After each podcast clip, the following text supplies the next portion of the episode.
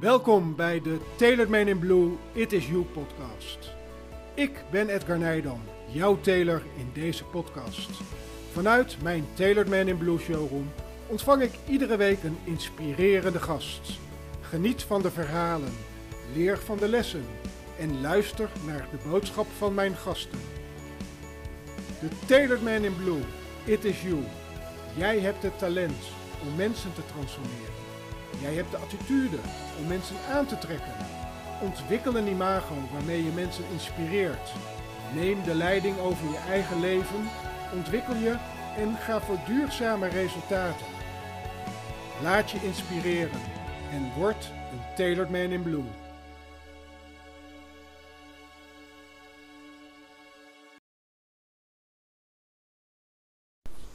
Het is vandaag vrijdag 17 december. En vanuit mijn Tailored Man in Blue It Is You showroom vandaag een, uh, ja, ik denk een hele mooie podcast. Ik denk dat we iets heel moois gaan geven vandaag. Dat, dat zegt mijn gevoel. Maar voordat ik mijn gast die tegenover me zit introduceer, wil ik even stilstaan bij iets moois. Want vandaag neem ik mijn 52ste podcast alweer op. En dat betekent eigenlijk uh, een jaar achtereen elke week een inspirerende podcast. En ik had dat eigenlijk niet durven te dromen toen ik aan dit avontuur begon. Uh, maar het maakt mij ontzettend blij, trots en dankbaar um, ja, dat, dat ik dit mee mag maken. En um, ik vind het ook ontzettend fijn dat je vandaag weer luistert. En um, ja, ik zal niet langer wachten, want tegenover me zit een bijzondere man. Mijn gast van vandaag is een uh, gepassioneerde spreker die uit eigen jarenlange ervaring kan vertellen hoe je een klantgerichte cultuur creëert. Hij was 12 jaar marketing sales directeur bij Deltaloid en Nationale Nederlanden en specialiseerde zich in deze tijd in het bouwen van een klantgerichte cultuur op basis van een heel mooi principe, namelijk op basis van de kracht van geven. Hij wist met zijn collega's, verzekeraar Deltaloid, van de achtste en laatste plaats in dienstverlening op te stuwen naar de eerste plaats. Dit heeft hij vervolgens zes jaar volgehouden en op basis hiervan werd hij in 2014 uitgeroepen tot commercieel directeur van het jaar. Deze unieke prestaties zijn mede tot stand gekomen door zijn jarenlange samenwerking met Olympische en Paralympische topsporters. En um, ja, zo maakte hij met zelfstig en vijfvoudig wereldkampioen Lopke Berghout het Olympische klantmodel. En werkt hij ook samen met onder andere kampioenen als Dorian van Rijsselbergen en Marit Bouwmeester en Esther Vergeer en Bibian Mentel. Ja, tegenover mij zit uh, niemand minder dan Wim de Bundel. Wim, van harte welkom hier in Driebergen-Rijsenberg. Wat leuk. Ja, Edgar, als je het zo een beetje allemaal vertelt en die 52e zo vlak voor kerst, hè, 52 ja. voor mij ook een beetje symbolisch, ja. dan uh, voelt het heel warm om weer binnen te komen. Ik vond het ook super lief en leuk in die mooie zaak van jou, met al die mooie pakken en kleding, dat het liedje Geef eens leven al stond te spelen van Spruit en Opperman. En als ja. je dan zo een beetje al die mooie mensen voorbij hoort komen, die mooie periode, dan heb ik er zin in om uh, samen eens even daarnaar te kijken wat er allemaal gebeurd is en wat voor moois daaruit voort is gekomen. Ja, ja ik heb uh, ondertussen ik heb je boek gelezen, Wim. Dank je wel overigens uh, voor het toesturen ervan. En ik heb het eigenlijk in één adem uitgelezen. Want daar stonden zoveel mooie lessen en, en, en mooie verhalen in die, die mij echt hebben geraakt. Um, maar voordat we daar straks eventjes doorheen gaan, kun je ons dus meenemen. Um, ja, wie, wie, wie ben je? Kun je ons even in het kort meenemen waar je vandaan komt? En, en wat jouw reis naar eigenlijk je boek is geweest. Ja, ja ik heb uh, Belgische roots. Ja. Dat hoor je natuurlijk uh, voor geen meter met mijn Rotterdamse nee, tongval. Nee, zeker niet. Nee, mijn familie is uh, Belgische achtergrond. Ik ben ooit van België naar Nederlander genaturaliseerd ja. op een gegeven moment. In, de, in, Rotterdam opgegroeid, daar gestudeerd. In Amsterdam gaan werken, eigenlijk bij Delta Lloyd. Uh, dus ik heb eigenlijk uh, drie havensteden achter me. Het Bourgondische van Brugge, uh, het, het, harde werken van Rotterdam en dan nog een beetje het creatieve van Amsterdam, zullen we maar zeggen. Ja. woon nu toch nog steeds in het Rotterdamse met mijn lieftallige vrouw Selma al 27 jaar. Ja. Net in de rouw van ons hondje Raoul, die een maand geleden gegaan is. Dus we zijn nog eventjes aan het bijkomen met de corona. Maar ja, door weer wat te gaan geven, proberen we daar weer wat naast te zetten, zoals altijd. Ja, mooi. En die, ja, die carrière van jou, die, die, ja, ik, ik, ik vind het echt geweldig. Ehm, je bent ontzettend openhartig in je boek. Um, vind, je het, vind je het leuk om gewoon eens bij het begin te beginnen? Um, jij was algemeen directeur bij Delta Lloyd en het stond er niet echt goed voor. En je hebt toen een plan gemaakt. Ja, er zijn uh, 2008. Uh, ik was geen algemeen directeur, maar directeur marketing sales. En we hadden daar uiteraard. Nee, dat geeft ja. niet, maar voordat de mensen daar denken dat ik. Uh, twee, we hebben uiteraard met een heel teamplan gemaakt. Waarbij ik mijn inbreng op een andere manier heb gedaan. waarbij eigenlijk de, de creatieve kant misschien wel wat heeft doorslag gegeven. Je moet zo zien, 2008, wij, zijn, wij waren met uh, was ik verantwoordelijk voor de pensioenbusiness of het marketing sales stuk. En voor de mensen uh, die luisteren, de net, op, net promoter score stond op een min 54. dat is de, de, de graadmeter of klanten je aanbevelen, zeg maar in, in, in normale termen. En op een schaal van min tot 100 tot plus 100, dan weet je dat er echt iets aan de hand is. En we stonden helemaal vast. Nou, uh, wij werken met uh, bedrijven die van ons de pensioenregeling afnemen. Adviseurs zaten niet meer op ons te wachten. Klanten zaten niet meer op ons te wachten. En eigenlijk waren we zelf eigenlijk ook een beetje spoorbijster. Ik kan me goed herinneren dat we op een vrijdag met elkaar zaten met een salesteam. En die wilde echt de vergadering laten uitlopen. Normaal gesproken een salesteam verwacht je dat die zegt om vier uur klaar. We gaan of in het zonnetje zitten of we gaan lekker het weekend in. We hebben hard gewerkt. Maar die mensen wilden niet meer, uh, Edgar. De, uh, en, en op een gegeven moment dacht ik, wat is hier aan de hand? En toen kwam het eerlijke, gelukkig het antwoord eruit. Ja, als we in de auto stappen om vier uur, moeten we nog een paar belletjes doen. En dan krijgen we alleen maar op ons donder.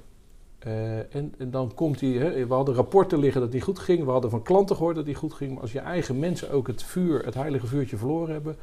Ja, dan moet je echt dingen helemaal anders gaan doen. En dat zijn we gaan doen.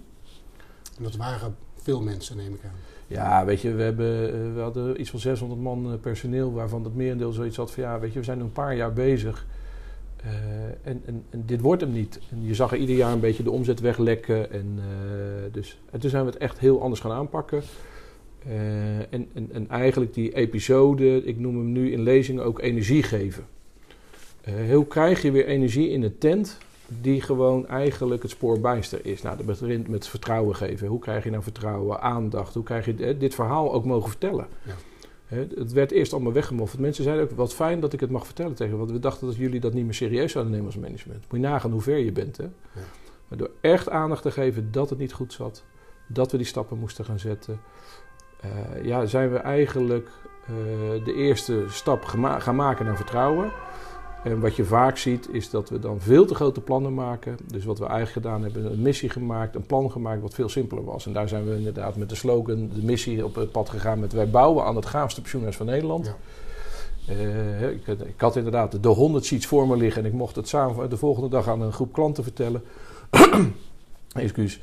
En ja, dan, dan wil je niet honderd sheets aan die klanten vertellen. Je wil iets simpels vertellen wat binnenkomt, ook voor je eigen mensen. En gaaf stond niet alleen voor punt gaaf voor de klanten, maar ook gaaf voor onze eigen mensen. Het moest weer leuk worden om voor te werken. En uiteindelijk hebben we het ook heel simpel gehouden in zes kamertjes. Dus we hebben het heel overzichtelijk gemaakt. Zeggen, nou, we gaan zes uh, punten aan werken. Ieder team heeft een eigen kamer. Uh, iedereen maximaal nog maar drie dingen doen. En dat belooft, nou, er was wat sceptische houding in de markt. Maar we zijn eigenlijk stap voor stap hè, met een einddoel voor ogen in vier tijd de nummer 1 in surfing worden. Maar iedere dag daaraan werken en ook iedere dag laten voelen dat we een stap aan het zetten zijn. Zijn we heel langzaam die tractie begonnen. En dan zie je na 1, 2 jaar dat de beweging komt. En dat je, ja, eigenlijk dat je de eerste positieve feedback begint te krijgen dat het goed gaat. Dus ja, zo stap voor stap. want je boek is eigenlijk opgedeeld in, uh, in vier episodes. Het eerste episode, dat noemde je net, energie, gas geven. Ja. Uh, Jij maakte veel gebruik van, van inspirerende sprekers. Uh, Jos Burgers uh, kwam voorbij in het boek. Um, en het, het mooie vond ik dat, dat je, nadat je zo'n spreker uh, had uitgenodigd, nadat een spreker zijn verhaal had gedeeld, dat je het ook visueel ging maken in het bedrijf. Kun je ons daar iets over vertellen wat dat teweeg Nou, wat je vaak ziet bij bedrijven, en, uh, uh, dat men een spreker haalt en dan is er veel enthousiasme en na twee weken is, appt het een beetje weg. Wij wilden juist de spreker gebruiken als een beginstander, als, een begin, als een aanjager en juist ja, zorgen dat het gaat leven. Nou, een voorbeeld, Jos Burgers heeft redelijk veel managementboeken geschreven die ook heel succesvol zijn geweest. Die had een heel mooi verhaal. In 2009 was net uitgekomen, het hondenbrokken ABC. Ja. Nou, daar ben ik altijd fan van, verhalen die overzichtelijk zijn. En zijn, uh, zijn verhaal is eigenlijk het, als je aandacht, begrip en complimenten geeft aan klanten, dan komt die klantgerichtheid gaat die op stoom komen en gaan die klanten vanzelf komen. En dat klinkt heel makkelijk, maar het, ja, het, weet je, hij maakt het zo geloofwaardig dat we ook maar aan de slag zijn gegaan. En nou, een paar voorbeelden. We hebben echt een manshoog hondenhok maandenlang bij ons in de entree gehad. Hè. Dat was echt 2,50 meter hoog. Groot oranje, knal oranje.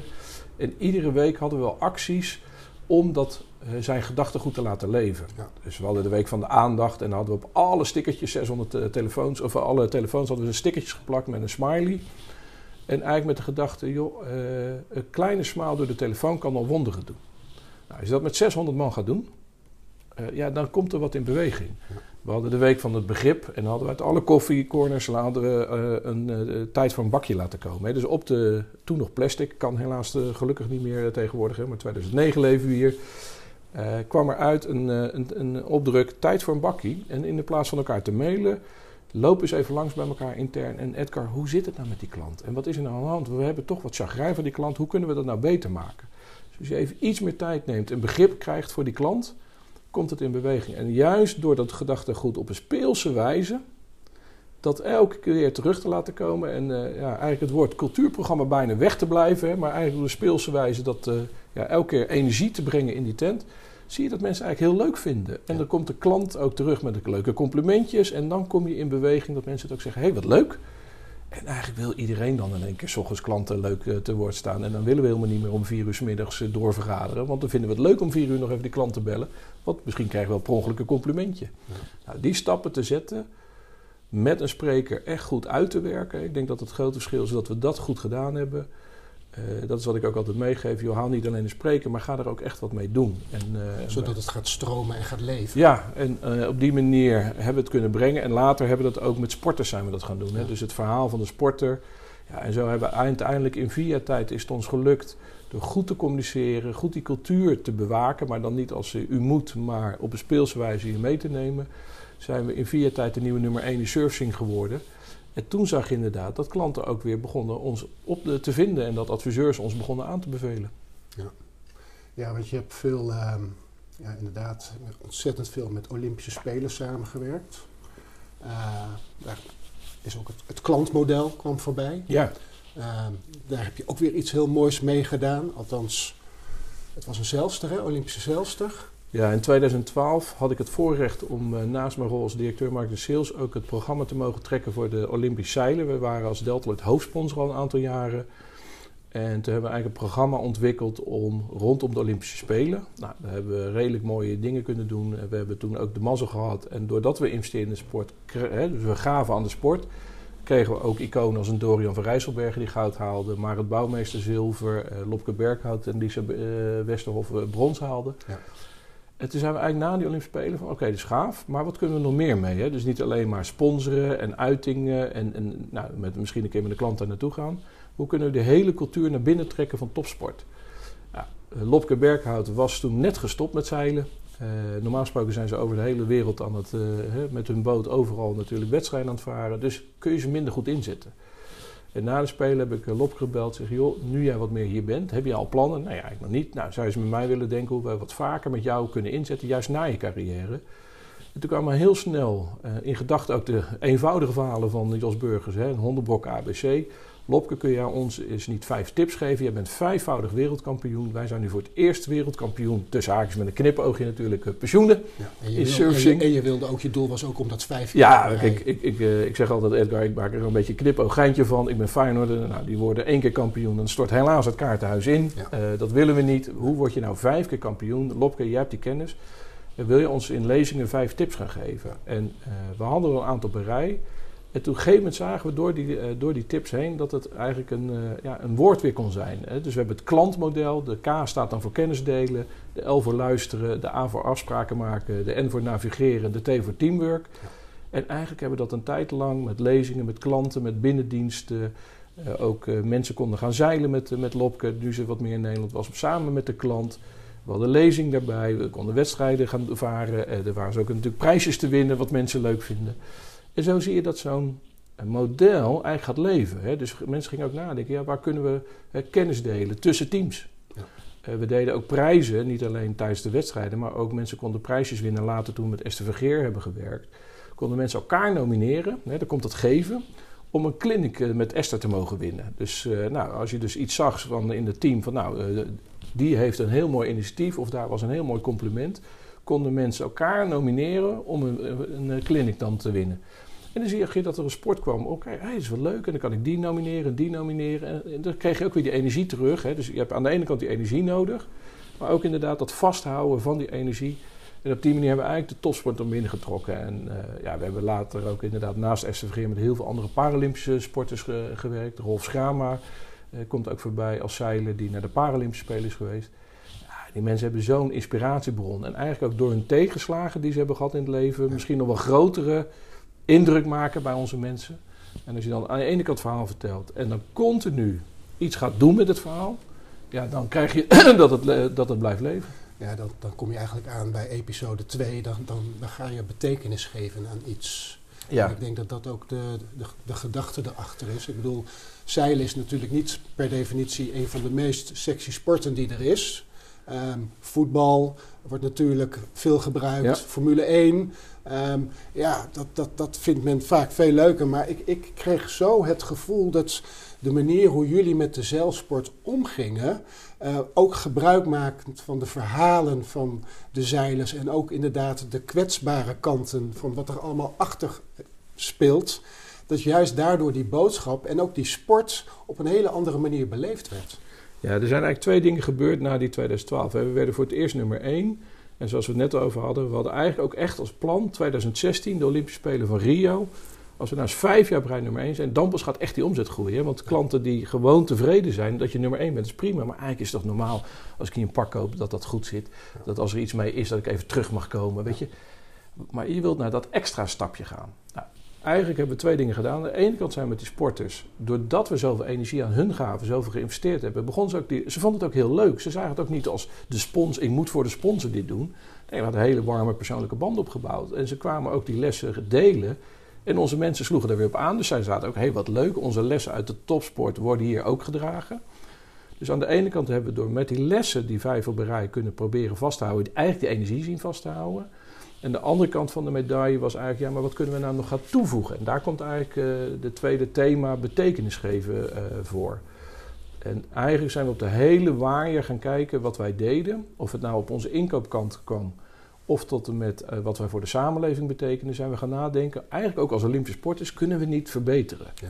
Nou, een voorbeeldje, hè, wij zijn grote belegger als pensioenverzekeraar. Ja, als jij bij ons klant bent, dan beleggen wij het geld voor jou zodat je een mooie pensioenring hebt. Ja we zijn een heel vroeg stadium duurzaam gaan beleggen op de agenda gaan zetten. En waar eigenlijk nog niet eens klanten mee bezig. Maar toch inderdaad, hoe kun je meer betekenis geven aan een stukje aan de beleggingen. Maar ook iets heel logisch in mijn ogen. We waren blij dat de mutaties nu allemaal op tijd waren, et cetera. Maar als iemand komt overlijden, is het natuurlijk niet alleen een mutatie logischerwijs. Nee, er komt een heel verhaal achter bij die klant. Iemand overlijdt. Wat kunnen we daar nog meer voor zijn? kunnen we, we zijn in een later stadium zijn we samen gaan werken met het bedrijf Closure. Dat is een bedrijf als iemand komt te overlijden, dat je op één slag naar alle uh, partijen, of naar je krant is of je verzekeraar, al je adres kunt doorgeven. Dat haalt een stukje zorg weg voor de nabestaanden. Zo zijn we over al die stappen gaan nadenken. Hoe kun je nou meer betekenis geven op je product, op je inkoop, maar ook aan de samenleving. En daar kwamen we ook weer terug bij de, bij de topsport. We zagen dat er, eh, de topsport ging goed, maar de, de, de Watersportverbond had het probleem met hoe krijg je nou jeugd naar het, naar het zeilen. Ja. Nou, uh, als je in Friesland woont is dat wat logischer, maar in Rotterdam in het centrum ga je niet zo snel zeilen. Nou, toen zijn we met de Optimist on Tour gestart. Eigenlijk een programma, een rondreizend circus met uh, de Optimist, het kleine bootje waar alle jeugd in start. Ja. Die lag in één keer Rotterdam Centrum in een, uh, ja, in, in, een stukje centrum water, waar normaal gesproken niet zo snel gezeild wordt. En ehm, en toen zag je in één keer dat er wel kinderen kwamen. En dat we inderdaad een programma konden starten van de 100 kinderen. Dat er uh, iets van 15 weer lid werden. Hè. Dus door dat ook weer die marketingervaring weer in te brengen. Door het leuk te maken. Maar zag je ook dat er aanwas kwam. Nou, uh, leverde het geld op dat kindertjes lid worden bij een uh, wa watersportvereniging als verzekeraar? Nee, niet morgen. Maar geloof je dat als je goed bezig bent, betekenis bent voor je samenleving, dan komt dat vanzelf terug. En daar is eigenlijk naast dat energiegeven in je organisatie, dat betekenis geven voor je hele omgeving aan het komen. En ja, dan zie je dat de klanten dat ook gaan waarderen. Dat je er niet alleen maar voor jezelf bent, maar ook voor anderen er bent. En dan, ja, dan op een gegeven moment worden mensen klant, uh, klant van je en dan heb je het eigenlijk niet eens meer door. En dat is natuurlijk de, eigenlijk de holy grail natuurlijk van iedere marketing en salesman. Uh. Mooi. Je had het net ook al even over overlijden. Uh, omgaan met verlies. Ja. Ik las in het boek. Grote vriend van je, een van je beste vrienden, Rob Spaanderman. Ja. Uh, die kreeg te horen dat hij, uh, dat hij ziek was. Ja. Iemand die veel gaf. Ja. Dan komt zoiets ineens op je pad. Terwijl je in zo'n flow zit in je bedrijf. Wat, wat, wat, wat, wat, wat gebeurt er dan in je leven? Ja, ik, ik, weet je, het is leren omgaan met hoe het is. Ik was daarvoor al een keer, was mijn vrouw heel ziek geweest. Ja, en gelukkig kloppen we weer uh, hopelijk deze week af uh, na negen jaar dat het allemaal weer goed is. Dus uh, ja, als het zo dichtbij komt, en dat, dat is misschien ook wel de reden dat de episode 2 betekenisgeven heeft gekregen. Hè? Dus het is betekenisgeven, maar ook aan je eigen leven. Ja. Nou, ik had dat al een keer meegemaakt. De gekkigheid is dat mijn vrouw was vlak ziek na de Olympische Spelen van 2012 en vlak na de Olympische Spelen van 2016, nou, het gaat natuurlijk helemaal nergens over, uh, was die vriend was al even ziek en kwam te overlijden. En wat voor mij de les was, ik heb gewoon een hele mooi gesprek kunnen voeren. Wat, wat, hoe zie je de dood? Wat wil je? Uh, nou, zijn wens uh, ja, zou heel fijn zijn als je er nog bent voor mij, hè, dat jullie er zijn voor mijn vrouw. dat is een belangrijk onderdeel. We hebben eigenlijk op zijn wens inderdaad heel groot feest. Ik was altijd een beetje flabbergasted na zijn overlijden nog gehouden. Dus we hebben eigenlijk met 300 man zijn leven gevierd. Hè. We hebben eerst de, de, de, begrafenis gehad en ook echt even gerouwd uiteraard, ook gehuild en gedaan. Maar daarna ook wel zijn leven gevierd. Dus we hadden inderdaad twee weken na het overlijden in overleg met zijn vrouw Spaans feest. En, en ook om te beseffen ja, hoe mooi het leven is. En uh, voor, voorop was voor mij iemand, toen ik even uh, vastliep met mijn studie en met mijn scriptie dat hij altijd kwam helpen. En als het die mij niet aan het helpen was, was er iemand in, aan de bar zat die tot later luisterde naar iemand die zijn liefdesrelatie uitging. Ja. Dus voor mij was hij ook wel een driver van, goh, waar, weet je, toen, toen hij kwam te overlijden, van, ja, waar herinner ik hem aan? Hoe wil je herinnerd worden? En voor mij was het ook die kanteling, naar langzaamaan naar een beetje de derde episode met hart en ziel geven van, ja, hoe wil je als mens herinnerd worden? Dus je, kunt van betekenis zijn van de ander en kan, wat komt daaruit voort? Nou, bij Rob als je ziet dat er 300 mensen zelfs na de uitvaart nog naar een feest komen, ja, dan heb je ergens wel wat betekenis gehad. Dan heb je heel veel zitten geven. En toen ik dat terug ging filteren, was dat eigenlijk ook zo. Iedereen zei ook op die uitvaart en later op het feest. Ja, Rob was er altijd voor iedereen. En dan zie je dat je door te gaan geven, dat je een heel mooi leven kunt volgen. Ja, mooi. Heel mooi. Uh, hart en ziel geven. Hoe is dat tot stand gekomen? En, en, en, en hoe bracht je dat in, in beweging? Hoe, hoe liet je dat stromen? Want dat is, nogal, dat is nogal wat hart en ziel geven. Ja, Ik zeg hier altijd wel eens gekscherend, in een pak zitten een hart en een ziel. ja. En dat is ook zo. Maar hoe, hoe krijg je dat in, een- in zo'n groot bedrijf, hoe krijg je dat stromen, aan, aan het stromen? Ja, ik denk, en, eh, kijk, het belangrijkste is dat je niet ziet van nou, deze episode is het alleen hart en ziel geven. Ik denk dat bij mij is de ontwikkeling zo geweest. Maar uiteindelijk denk ik dat er drie episodes zijn die je moet proberen altijd te brengen. Ja. Dus hoe krijg ik energie in een bedrijf, maar ook bij mezelf. Ja. Als ik, eh, als ik even, we zitten allemaal wel eens vast, zeker nu met COVID, dat je even een eh, minder ochtendje hebt. Oké, wat geeft me energie? Wat kost me energie? En kan ik de dingen die me energie kosten weghalen en de dingen die energie geven brengen? Betekenis geven. Nou, dus wat we eigenlijk hebben gezegd is, hè, je moet drie dingen doen in een organisatie. Energie brengen, betekenis brengen en iets met hart en ziel brengen. En dat kwam eigenlijk ook een beetje voort. Weer even stap terug naar dat privéleven. In diezelfde periode, als dat, eh, die vriend van mij Rob kwam te overlijden, was het ook heel duidelijk. Mijn moeder had longkanker met uitzaaiingen. En ja, het zou het einde, einde zijn. Hè. We hadden nog een half jaar, drie kwart jaar. En ook hier was het weer. Ja, weet je, hoe kun je naast de pijn en de rouw en het verdriet iets nazetten met elkaar? En we hebben een hele mooie periode gehad. En op het eind kwam eh, op een gegeven moment bij het afscheid nemen werkelijk. Hè, zij eh, lag boven, ik zat beneden een kopje koffie te drinken. We wachten tot mensen al afscheid hadden genomen. En dan zat ik met ze nog even na te kletsen. En toen zeiden ze ook altijd, jezus, jouw moeder gaf zoveel. Want ik moest denken aan die gesprekken over Rob. Ja. En, eh, maar zeiden ze ook inderdaad, voor mensen die ze niet kenden, was ze er ook altijd. En want als de buurvrouw ziek was van de buurvrouw, ging ze die ook helpen. En toen was eigenlijk na Rob bij mijn moeder ook van, ja, weet je, dat, dat continu, ze gaf met hart en ziel, zei iemand ook letterlijk. En toen dacht ik, ja, het is toch wel heel mooi als je, hè, als je er dan niet meer bent, hoe word je herinnerd? Hè? Dat is voor mij eigenlijk. En ik ben in de periode, het staat niet in het boek, maar dat ik het boek eh, aan het schrijven was, heb ik heel veel boeken ook ben gaan lezen over de wetenschappelijke kant van eh, geven. En er is één boek, eh, The Five Secrets You Want to Know Before You Die. En ook, hebben ze onderzoek gedaan naar wat zijn nou vijf belangrijke lessen voor het leven. En een van die vijf is ook give eh, more than you take. Ja. En dacht ik, oké, daar zit ergens iets in dat daar toch een logica zit. En wat gebeurde er 2000, eind 2016, 17, zakelijk gaan we even terug. Uh, wij waren met Deltaloid waren op de kaart gekomen bij Nationaal Nederlanden. Dat dat toch eigenlijk wel een mooi bedrijf was om eens over te nemen. En dat heeft NN uh, echt strategisch, in mijn ogen, hoe pijnlijk ook voor ons als je aan de blauwe kant zat, heel slim gedaan. Dat hebben ze goed gezien. En ik kreeg het verzoek op een gegeven moment of ik de integratie van Deltaloid en Nationaal Nederlanden wilde begeleiden. Waarvan vanaf minuut 1 helder was: het Deltaloid-merk zou, uh, zou ophouden te bestaan. Ja, dat zou Nationale Nederlanden Ja, het zou allemaal Nationaal Nederlanden worden. En uh, nou, dat was, uh, hè, dus ik wist waar ik begon. Nou, dat was niet leuk. maar als je dat strategisch wist, en ik kon er, inhoudelijk kon ik daar wel mee eens zijn. van, nou, weet je, de klant wil uiteindelijk niet meer betalen voor een pensioenpolis. Dat snap ik ook. Dus ja, dan kun je daar nog wat kosten besparen. En toen zaten we eigenlijk, oké, je moet energie brengen, betekenis geven, maar je moet eigenlijk nog, want tot nu toe hadden we gezien dat er heel veel integraties van grote bedrijven allemaal mislukken. Ja. He, komen bij elkaar, cultuurverschillen, grote ruzies maken en binnen no time uh, lette niemand meer op de klant en stort de omzet in. Nou, dus de uitdaging was ook, hoe kun je dat extra gevoel in jezelf naar boven halen, dat hart en ziel geven, en toen zijn we eigenlijk een paar dingen gaan doen. Eerste, uh, we hebben inspirerende sprekers weer gehaald. Daar had ik wijze lessen mee. Maar ik dacht, ja, dan moet je ook wel sprekers halen van het niveau hart en ziel geven. Ja. Nou, op de cover van mijn boek zie je ook prominent boven mij staan. Uh, uh, een van mijn grote inspiratiebronnen in het leven. Helaas is op 29 maart overleden, Bibian Mentel. Ja. Ja, als iemand dat verhaal over hart en ziel geven. En, en, aan de ene kant, wat we wel eens vergeten, enorme winnares was. Hè, meer dan 100 prijzen gewonnen. Tegenslagen, tien keer kanker minimaal uh, uh, overwonnen. Hoewel ik dat overwonnen als een rot wordt, gewoon gepareerd, zullen we maar zeggen, of nou, whatever. Maar ondertussen ook zoveel geven nog. Hè. Die Mentality Foundation, zoveel mooie dingen gedaan voor mensen met een uitdaging. Was zij voor mij echt een, ja, een bron van inspiratie die dat overtreffende trap van hart en ziel geven kon brengen. Dus we hebben haar gevraagd een, een verhaal te houden.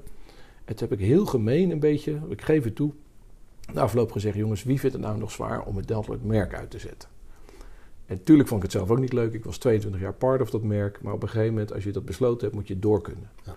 En ik denk door mensen met een hart en ziel te halen, à la Bibian, dat mensen ook gaan relativeren door het verhaal. Zeggen, ja jongens, kom op, weet je, dit moet te doen zijn. Dus dat was een eerste stap eigenlijk naar succesvol bezig zijn. En toen zijn we later ook gaan nadenken van, oké, dit is een verhaal naar binnen trekken, wat kunnen we nou doen? En een van de zaken die we hebben gedaan is eigenlijk, we gaan niet voor blauw, hè, dus niet het blauw voor Deltaloid. Ook niet voor het oranje. Toen zat iedereen, hè, wat gebeurt hier nou? Nee, we gaan voor het goud. Hè, want eigenlijk is dat wat klanten willen. Die zijn niet bezig met die kleurtjes. Nee, ben jij de nummer één nu nog steeds. En om die cultuur en, en te zorgen dat we samen aan de slag gingen als één oranje, eigenlijk maar dan met een gouden medaille ze hebben eigenlijk de business, de topsport en het goede doel bij elkaar gebracht. En toen zijn we tijdens de NN Marathon met klanten gaan hardlopen voor het goede doel, de Linda Foundation in dit geval. Ja. En eigenlijk als je zo'n verhaal van de Linda Foundation hoort, die met hart en ziel, Joyce uh, we toen, uh, die, is, die is daar verantwoordelijk voor de Linda Foundation.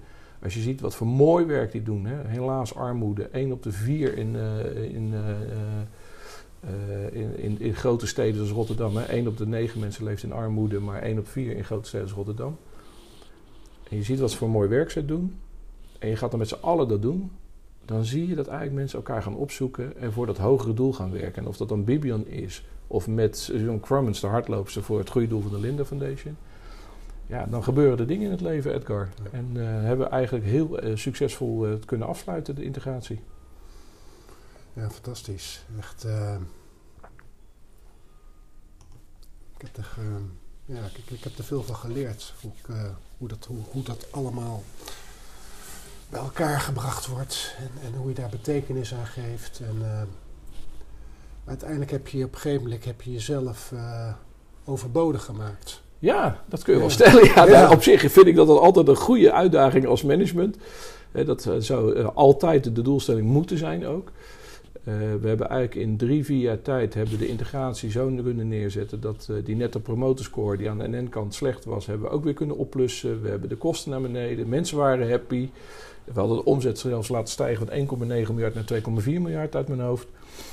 Uh, dus ik was zelf ook wel bezig van, goh, wat komt hierna? Hè? Dus 2020, 2021 wordt wel weer tijd om het anders te gaan doen. Alleen, uh, ja, ik heb alle lessen over omgaan met tegenslagen. Mocht ik eventjes in één keer weer gaan oefenen.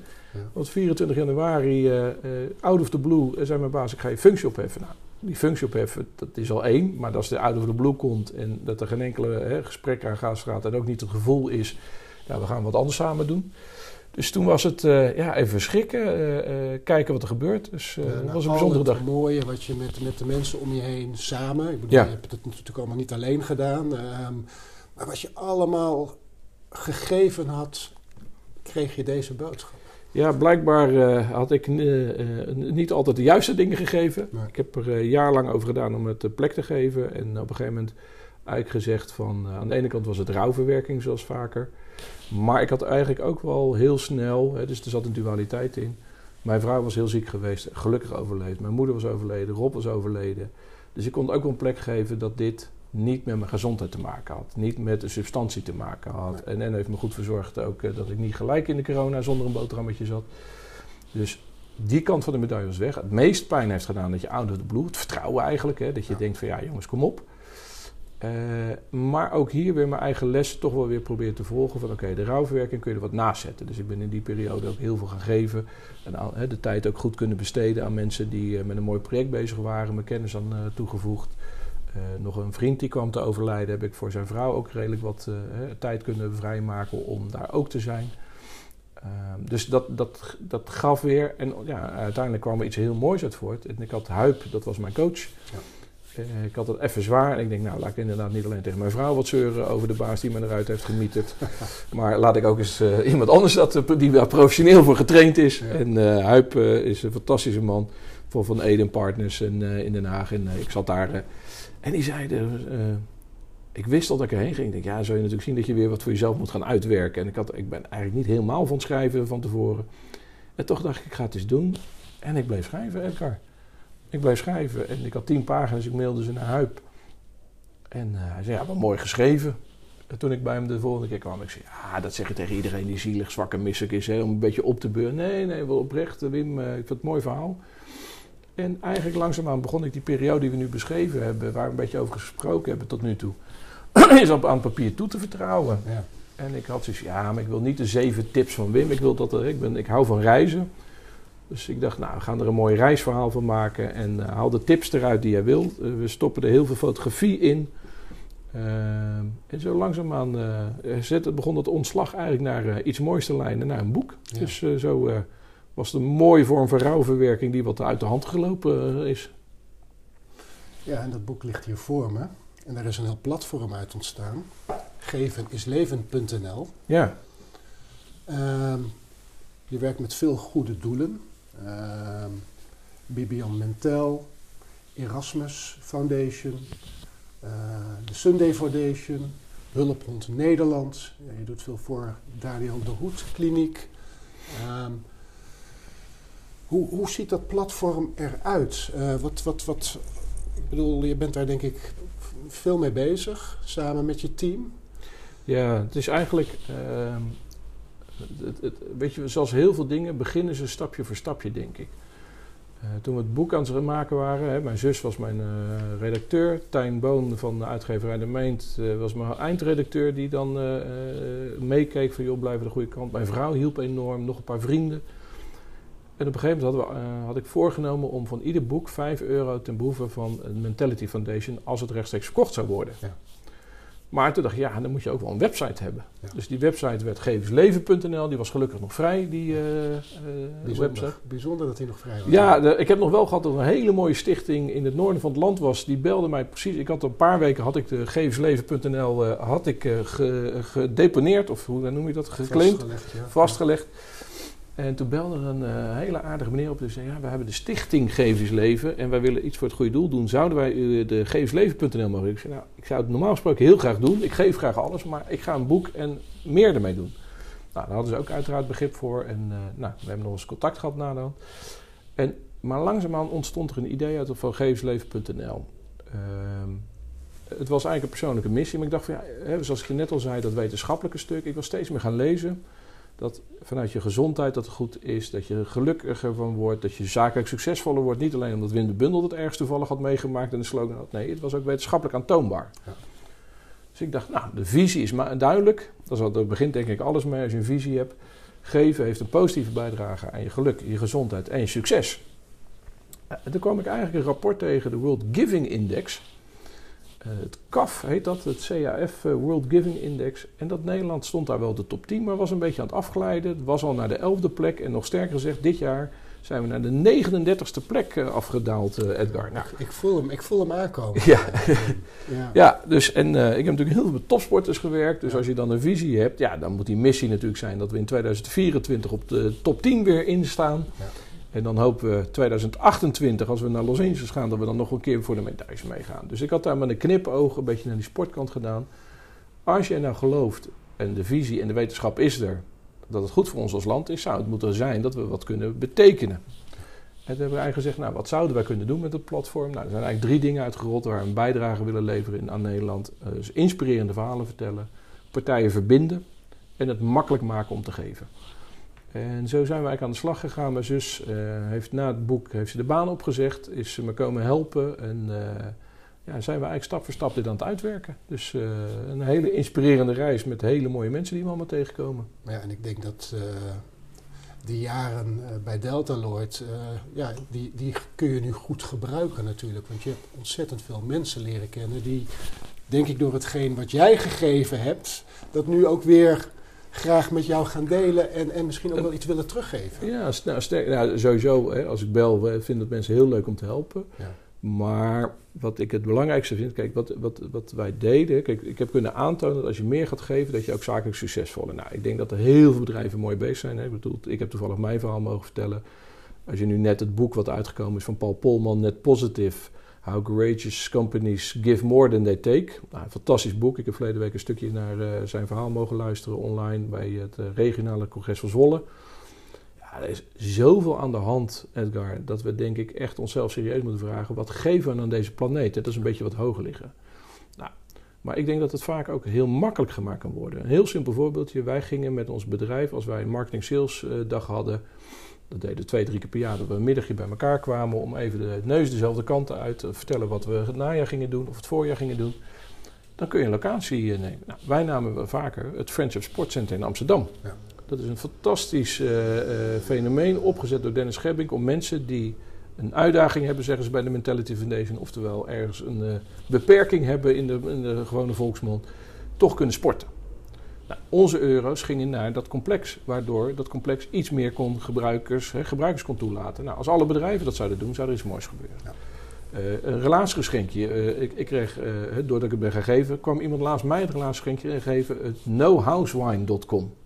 was weer een huiswijn. Was, omdat ging er weer een stukje naar het goede doel voor mensen die geen huis hadden. Nou, ik denk dat je daar heel veel laaghangend fruit hebt wat bedrijven kunnen doen.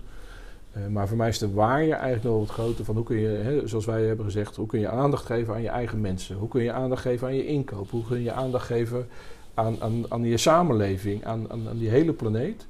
En kun je daar wat in betekenen? Nou, en we hebben eigenlijk gezegd, die drie, de drie stappen inspireren, verbinden, makkelijker maken. Kunnen we daar mooie verhalen vertellen? En of dat nou zakelijk is, hè, volgende week hebben we een interview met de voorzitter uh, van de Rotterdam Charity Club, wat hij allemaal doet. Maar we hebben ook uh, mensen als een Koert Hommel, die uh, heel veel pijn heeft. Hij heeft een, uh, hele vervelende rugblessure gehad, of een blessure, een, uh, een hernia. Dus ik, kan me, ik heb ook een keer een dubbele hernia gehad, dus ik kan me een klein beetje voorstellen. Alleen bij hem is dat heel erg. Dat hij zoveel pijn heeft, dat hij niet kan functioneren daardoor. Nou, wat is Koert gaan doen? Koert is eigenlijk gaan ach, heeft achterhaald dat als hij muziek maakt, wat hij mooi vindt, dat hij minder pijn heeft. En vervolgens is hij gaan nadenken, hé, hey, maar als ik dan toch muziek maak, kan ik dat niet voor kinderen doen die in het ziekenhuis liggen. Kijk. Is die de, de, de, eh, de stichting Muzikids gaan helpen.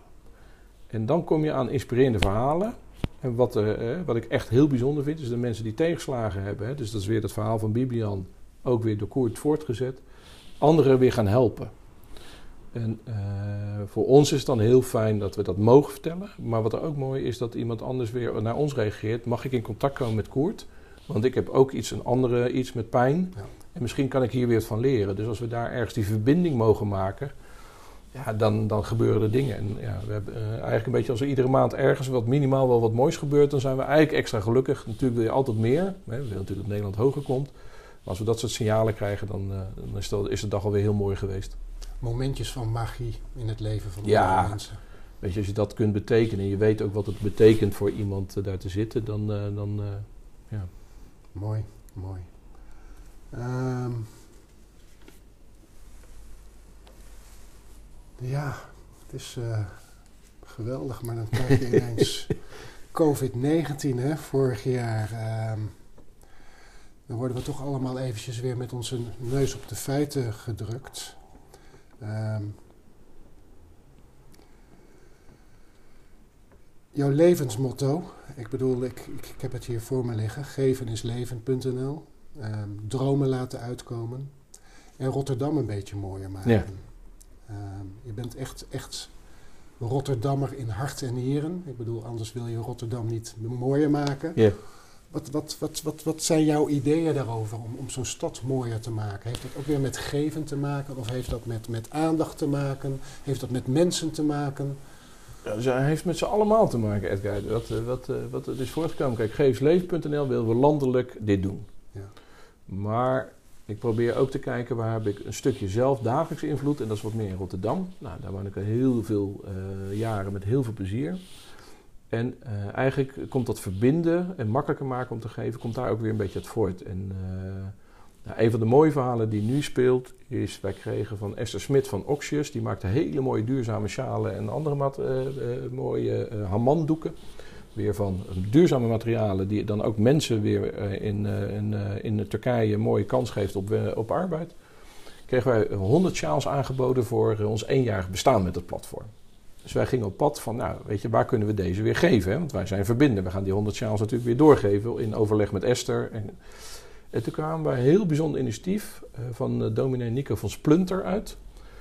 Uh, die is dominee en heeft nu een initiatief Yes in de wijk Bospolder Tussendijken, afgekort BOTU. Nou, als je, het probleem is, er zijn twee wijken en staan samen allebei in de top 5 van Nederland van vervelendste arm, eh, postcode Sociaal Cultureel Planbureau. Ja. Nou, uh, dus wij hebben contact gehad. We zeggen, joh, die mensen hebben grotere problemen dan een sjaal, maar misschien kunnen we toch rondom kerst wat leuks doen. Hij zei, nou, wel heel mooi. we zijn langs geweest, dus nou, Esther, wij hebben wat gekregen. Gaat dus weer doorgezet worden naar mensen die dat echt nodig hebben. Maar we zaten in gesprek met dominee uh, van Splunter, Nico.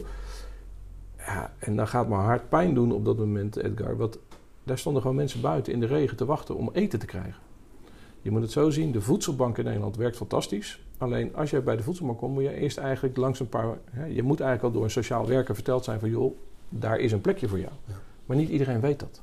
Niet iedereen komt daar. Niet iedereen heeft het vertrouwen in onze overheid meer. Hè. Er zijn gewoon uh, nogal grote, uh, uh, grote gaten in het geloof gekomen... dat mensen daar vertrouwen in hebben. Nou, Nico is daar in die gemeente, in die wijk, inderdaad, vanuit dat uh, Yes-pand, is dit gaan organiseren. En dat is dan mooi vanuit wat mijn achtergrond is. Ik ben gaan bellen met Peter, inderdaad van de Rotterdam Charity Club. Die hebben contact gebracht. We hebben contact gezocht met uh, partijen in de gemeenteraad, waar ik nog inderdaad destijds ook vanuit mijn zakelijke tijd had. En eigenlijk kan ik daar mijn energie en mijn kennissen omheen brengen om eigenlijk gestructureerd, dus je hebt een korte termijn hulp, nou, we hebben wat geld zodat we even project kunnen laten draaien, maar ook hoe kunnen we plannen maken, heel stap voor stap, dat er betere dingen gaan gebeuren. Uh, heel simpel voorbeeld, uh, JD, uh, een dame, fantastische dame die niet kan helpen, is 37, die wil eigenlijk een opleiding doen. Maar die kan dat niet doen, omdat als ze die opleiding gaat doen, wordt ze gekort op de uitkering. Maar ja, ze heeft twee kinderen, dus ze kan, die, ze kan die opleiding doen. Dus in de catch-22. Nou, we zijn nu aan het kijken, hoe kan dat nou in Nederland? Dat mensen armoede hebben, dat ze niet kunnen eten. Maar ja, als we ze geen opleiding geven, dan, ja, dan blijven ze afhankelijk. Ja. Dus ik geloof in aan de ene kant dat wij hopelijk met gevensleven.nl een klein stapje kunnen helpen. Het verbinden van partijen, het makkelijker maken daarom te geven. Uh, het inzichtelijk soms te maken. Ja, dat er dingen gaan gebeuren. En uh, dan heb ik eigenlijk Geef Leven, uh, dromen van JD misschien laten uitkomen. Dat, zij, dat zij een opleiding kan gaan doen. En hopelijk ook een stukje Rotterdam mooier maken. Nou, als we daar uh, redelijk wat uh, uren mee uh, kunnen bezig zijn, dan is het leven heel mooi, Edgar. Dan... Heel mooi, prachtig. Kunnen, kunnen als, als, als je iets hebt waarvan je denkt van hé, hey, dat, dat zou mooi zijn voor dat platform, kun je ja. dan gewoon contact met jullie opnemen? Hoe, hoe werkt dat? Ja, in basis alles via gevensleven.nl of je zoekt op Wim de Bundel, kom je een heel eind in het leven. Ja. Dus, of, of gewoon 06 204 12766. Mensen mogen me altijd appen, bellen. Uh, dan zijn er altijd twee dingen. Zoals Esther, die had gewoon iets moois, gaan wij verbinding zoeken. Uh, kijk ik naar het eerste jaar, wat we nog wel zoeken is inderdaad van we willen geen geld, maar er zouden nog partijen zijn die ons online verder kunnen brengen. Kan, hè, met z'n tweeën komen we een stukje, maar hè, als mensen nog zouden zeggen, joh, wil je helpen? Maar alle mooie verhalen over geven, zowel bedrijven als gewoon individuen, ja, willen wij gewoon een rol in spelen om die bij elkaar te brengen. Wat mensen altijd kunnen doen, is naar de module gratis geven gaan. Dus op de website gevensleven.nl zie je gratis geven staan. En daar hebben we voor de vier goede doelen die jij net benoemde, hebben we eigenlijk affiliate in een nieuw jasje gestopt, uh, affiliate marketing. Dus als je via onze site naar een Coolblue of naar een bol.com gaat, gaat er een klein stukje naar het goede doel. Normaal gesproken krijgen wij dat als platform. nou, we hebben dat gezegd, die 2-3% willen wij niet hebben, die geven we door aan het goede doel. Nou, als voorbeeld de Sunday Foundation. Voor 10 euro kunnen ze een kindje een jaar naar eh, school sturen in Sierra Leone. Dus als mensen naar hun kerstinkopen toch gaan doen en ze waren het over plan bij Coolblue en nog wat te kopen of, uh, of uh, bol.com, doe het dan via ons. Want dan gaat dat stukje extra. Nou, we hebben nu een paar weken tijd 600 euro opgehaald. Het zal niet, het zal niet één keer uh, de Postco-loterij zijn die 100 miljoen ophaalt. Op die manier kun je natuurlijk wel heel makkelijk ja, dagelijks je boodschapjes zo die je toch al deed, dat doen. En ik had laatst een vriend van mij, Hans, die had twee laptops van 1500 eh, euro each. Uh, in de zakelijke markt wilde hij die toch wel kopen bij Coolblue. En dat was dus 90 euro, 3% over die, over die twee laptops. 90 euro naar het goede doel. Dat is mooi. En eigenlijk door één seconde even langs onze site te gaan. Ja. Nou, weet je, dat soort simpele dingen. In deze tijden, juist zo vlak voor kerst, uh, elkaar net even wat meer naar elkaar omkijken, kan wonderen doen. Dus ik kan me voorstellen dat, dat je open staat voor bedrijven die mogelijk iets willen afstaan uh, van, van, vanuit hun, ops, vanuit, vanuit hun, hun omzet. Uh, daar sta je altijd voor open. Ja, maar niet voor ons per se zelf. Weet je, dus als mensen zeggen, joh, ik wil eens praten met je Wim over hoe kunnen we gestructureerder gaan geven. Dan doe ik dat altijd graag. Ik denk dat heel veel bedrijven al zelf wel goede doelen hebben. Alleen als je het nog gestructureerder kan doen. We zijn nu met een bedrijf bezig, die zijn al zelf bezig met uh, mensen met een uitdaging, met een beperking. Hadden al met Fonds Gehandicapten Sport zijn we nu aan het kijken, kun je dat ook laden met de Mentality Foundation. En kun je dan met gratis geven voor de Mentality Foundation alle medewerkers laten deelnemen aan dit verhaal. Uh, we zijn ook met partners bezig, uh, zoals loongift.nl. Dat is Sandra van Beest en die heeft eigenlijk een module neergezet. Dat je als bedrijf eh, de, de, je medewerkers in staat stelt om te zorgen dat zij gaan geven aan goede doelen. Nou, dat is een partij waar wij geen commerciële belangen direct in hebben of iets, maar dat is gewoon een heel mooi initiatief. Zij hebben gewoon een bedrijf opgezet ervoor die dat kan regelen. En al die initiatieven zetten wij op gegevensleven.nl neer. dus dat je eigenlijk als bedrijf kunt aan waaier van artikelen. Wil je relatiegeschenken, geven we jou tips. Wil jij op dit, wist je dat loongift bestond? Nee, ga er eens mee praten. Dus eigenlijk willen we gewoon het platform. Ik heb wel eens gekscherend gezegd, misschien moeten we die ook maar gaan introduceren. De startpagina van Geef het Nederland worden. Ja al die mooie initiatieven bij elkaar brengen. En ik heb echt gezegd, aan geefsleven.nl, behalve mijn boek wat erop staat, daar verdien ik dan een paar eurotjes aan. Uh, verdien ik daar niks aan, maar probeer ik te verdienen inderdaad door lezingen te geven, door bedrijven inderdaad commercieel verder te helpen. Dus ik heb dat echt apart staan van die, uh, van die, die twee van elkaar. Mooi. Ja, dat is een mooie missie en een mooie visie en een mooi doel wat je hebt, uh, Wim. Prachtig. Ja, er zijn zoveel mooie verhalen te vertellen uit elkaar. Als je kijkt, dat is het leuke wel. Hè. Het maakt me ook heel optimistisch. Ehm, als, je, als je er even in gaat verdiepen, hoeveel moois er gelukkig ook gebeurt in Nederland. Ik zei het eerder in het gesprek dat de World Giving Index, we staan 39ste. Voor jouw beeld, ze doen drie vragen, stellen ze in alle landen, stellen drie vragen aan alle landen. Heb je recent nog gegeven voor het goede doel? Je tijd gegeven aan het goede doel? Of een, een vreemdeling geholpen? Nou, wij scoren 37% voor jouw beeld. Indonesië staat met 68% op nummer 1.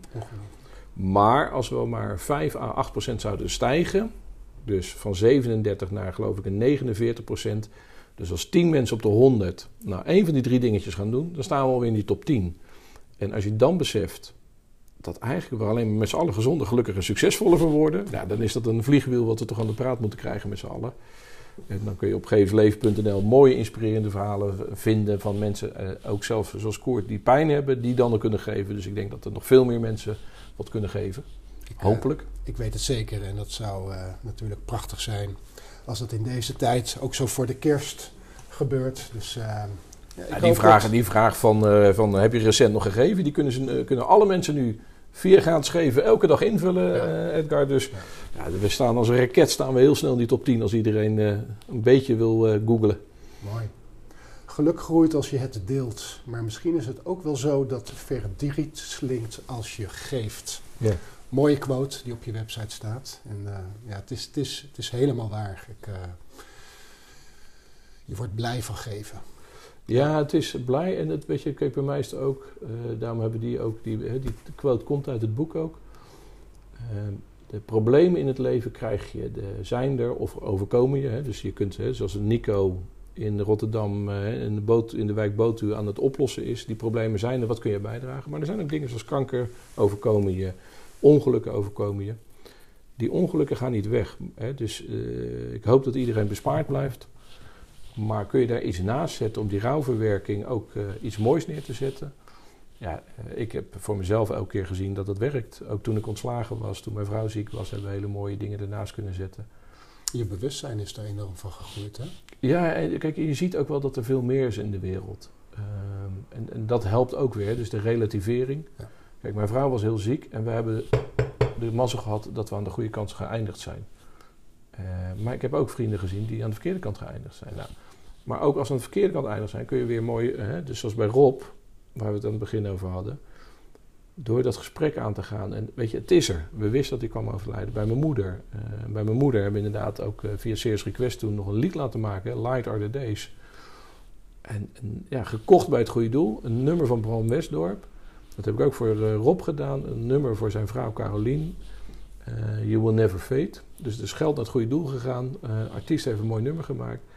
En elke keer geeft het, ja, heeft het een plekje in de, uh, om, om daarop terug te blikken. Ik had afgelopen vrijdag, uh, ging ik naar Nico van Splunter.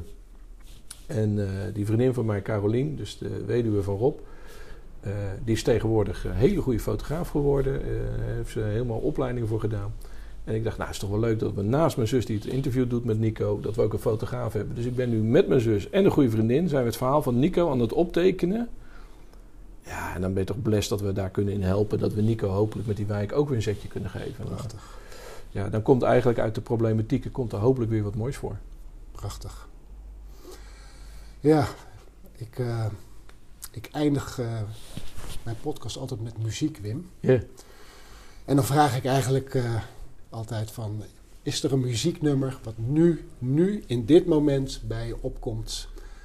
En, en wat, wat is de betekenis van dat lied? Wat, wat, wat, wat, wat, wat heeft dat voor betekenis voor je?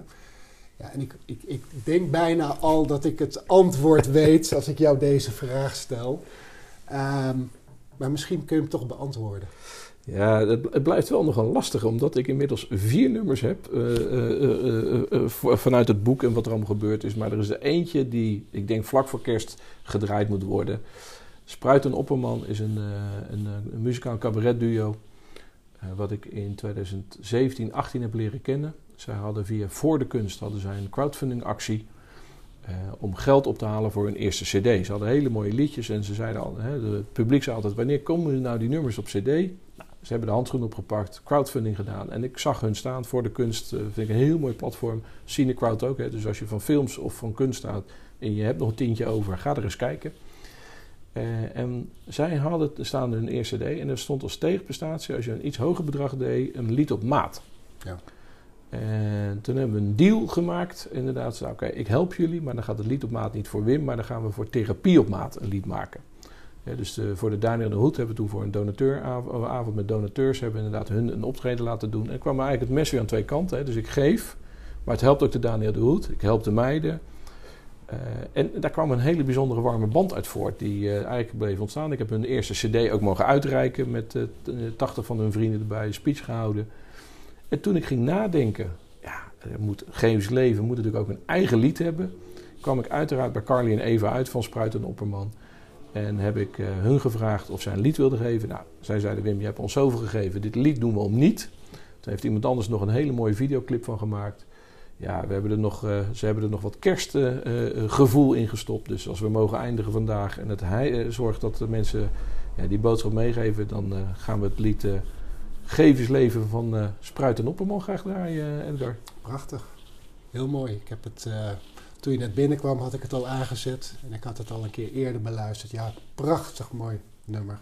En een mooie tekst. Ik lees even de eerste acht regels op als je het goed Heel vindt. graag. Als een deur plots wordt gesloten, gaat een ander van het slot. Leef je droom door hem te delen. Geef de sleutel niet aan het lot. Geef niet op, geef niet toe. Geef wat iemand nog niet heeft. Geef je tijd, geef je liefde. Geef waardoor beleving leeft. Ja. Daar, Mooi, krijg, je toch, daar krijg je toch kippenvel van. Ja, dat- daar kijk, dat vind- toch- Dat vind ik het mooie van artiesten. die, dat die, je zit met ze in gesprek. En dat ze die touch weten te raken en die, die draai weten te maken dat het eh, binnenkomt. Hè. Je kunt het zo mooi vertellen als je maar wil, maar inderdaad naar muziek toe. En hoe ze dat hebben neergezet. En ook weer, hè, eh, ook natuurlijk weer een doelgroep die gigantisch door corona getroffen wordt, hè, artiesten. ja. Eh, zeker als je beginnend artiest bent. Hè. Als je natuurlijk wat verder bent, dan heb je misschien nog op, eh, eh, op de Spotify dat mensen überhaupt naar je luisteren, dat je daar nog centje aan verdient of aan je royalties. Ja. Maar startende artiesten zoals deze meiden, die gewoon zo fantastisch goed zijn. Ja, daar ben ik ze extra dankbaar om dat ze dat toch ook weer hebben gedaan. En dat, het geeft hun ook weer energie. Dat, weet je, dat is ook een mooie weer, om dat, die wisselwerking te zien. Dus we gaan nog vaak hopelijk op pad met z'n drieën. En ik, ik deel hem heel graag met de luisteraars. Heel mooi. Heb je zo aan het einde van, eh, van dit mooie gesprek... Heb je, heb je aan de luisteraar nog iets zo vlak voor de kerstdagen... nog een mooie boodschap? Nou, ik wilde als eerste natuurlijk jou enorm bedanken voor deze warme uitnodiging. En, en het hele, ja, gewoon mogen praten over dit onderwerp. En eh, ja, ik zie ook dat, eh dat jouw glunderen af en toe inderdaad. Dus dan denk ik altijd, nou, het is mooi dat we hierover hebben. Ja. Nou, in brede zin, weet je, voor de luisteraars, ik denk dat het een periode is juist om even naar elkaar om te zien. Had verleden week een eh, gesprek met eh Dick-Jan Abbring van eh, het bedrijf Purpose. Die doen heel veel bedrijven helpen met hun purpose vinding en dan kunnen ze helpen. En die zei inderdaad, het gaat over de breuklijnen helen of dichten. En ik denk, ik hoop, ik, ik vond het heel mooi zoals hij dat neerzet, de breuklijnen. Als je ziet nu met de corona, hè, voor of tegen vaccinatie, arm en rijk, wat er gebeurt bij Nico in Rotterdam. Weet je, hoe kunnen we dat allemaal dichter bij elkaar brengen? En als dat is met elkaar een klein stukje naar elkaar meer omzien, een klein stukje geven. En dat hoeft niet altijd in geld, hè. niet iedereen heeft het geld, maar ook in aandacht, in tijd. Eh, ik had het ook van de week inderdaad, dat, eh, wat ik straks zei, onze hond was overleden. De buurvrouw hoorde dat en die stuurde een kaartje, of die legde even een kaartje in de brievenbus. Ja, Dat doet mij ook heel veel, jongens. Het is, weet je, geven is leuk, maar als er mensen ontvangen, ik vind het ook fijn om te ontvangen. Ja. Ja, en zeker in deze kersttijd, laten we iets meer naar elkaar omzien. Laten we even weer proberen dat 22 dan wel weer dat betere jaar wordt. En eh, nou, als ons platform daar een klein stipje weer mee kan bijdragen met gevensleven.nl, dan eh, hoop, wens ik alle luisteraars een hele mooie kerst. Fijne feestdagen eh, en een gezond en, en gevend 2022. Mooi. Mooie boodschap. Dankjewel, Wim. En ja, ik dank jou ook weer voor het, voor het luisteren naar dit prachtige verhaal. Ben je geïnteresseerd in het boek? Ik neem aan dat het boek gewoon, eh, dat je dat kunt kopen online. Op uh, gevensleven.nl slash boek Ja, kun je het boek kopen. En als je het daar koopt, de- je kunt daar overigens ook de eerste 30 pagina's geven, we, zodat je een beeld kunt vormen. Dus ik ben fijn dat jij het mooi vond, Edgar. Maar Ja. mochten mensen toch nog eerst even snuffelen. En als je daar koopt, dan gaat er 5 euro naar de Mentality Foundation. Dus Ja. gevensleven.nl slash boek. Heel graag. nou, ik kan het eh, je alleen maar van harte aanbevelen, want er staan echt zulke mooie verhalen in, maar ook zulke leerzame lessen. Dus eh, een mooi kerstcadeau zou ik zeggen. Dus nogmaals dank voor het luisteren en ehm, ja, zoals je van mij gewend bent, sluit ik altijd af met, eh, met mijn bekende woorden. Verbind, leer, inspireer, groei met stijl in je pak en word de teler over je eigen leven. Ik dank je wel en eh, ik, eh, ik, ik zie je volgende week graag weer terug, want dan heb ik vanzelfsprekend weer iemand tegenover me zitten met een inspirerend verhaal. Tot de volgende week. Ciao.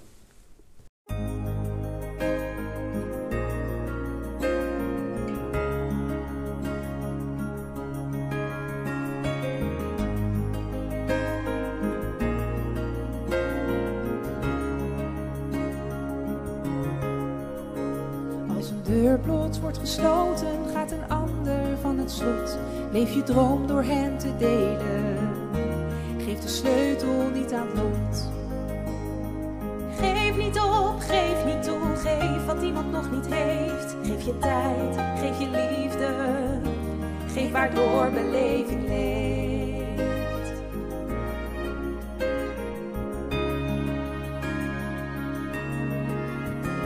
Blijf staan waar iemand struikelt, ga door waar iemand stopt. Sta op waar anderen zwijgen, want een gevend hart dat klopt. Wie strijden kan in tijden van verlies en toch verblijden kan. Wie ondanks dat toch strijden kan, heeft een gevend hart dat klopt.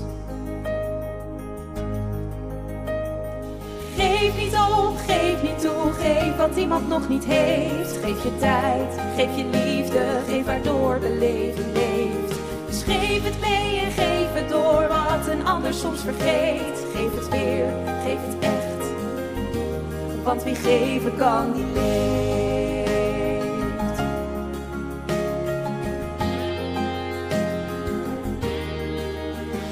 Laat de kilte van de stilte je niet grijpen als hij komt. Maar geniet, beleef en hou vast aan dat wat je overkomt.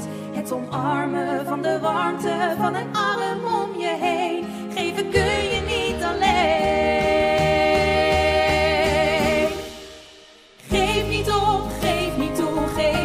nog niet heeft. Geef je tijd, geef je liefde, geef waardoor beleving leeft. Dus geef het mee en geef het door wat een ander soms vergeet. Geef het weer, geef het echt. Want wie geven kan, die geeft niet op, geef niet toe, geef wat iemand nog niet heeft. Geef je tijd, geef je liefde, geef waardoor beleving leeft. Dus geef het mee en geef het door wat een ander soms vergeet. Geef het weer, geef het echt. Want wie geven kan, die leeft.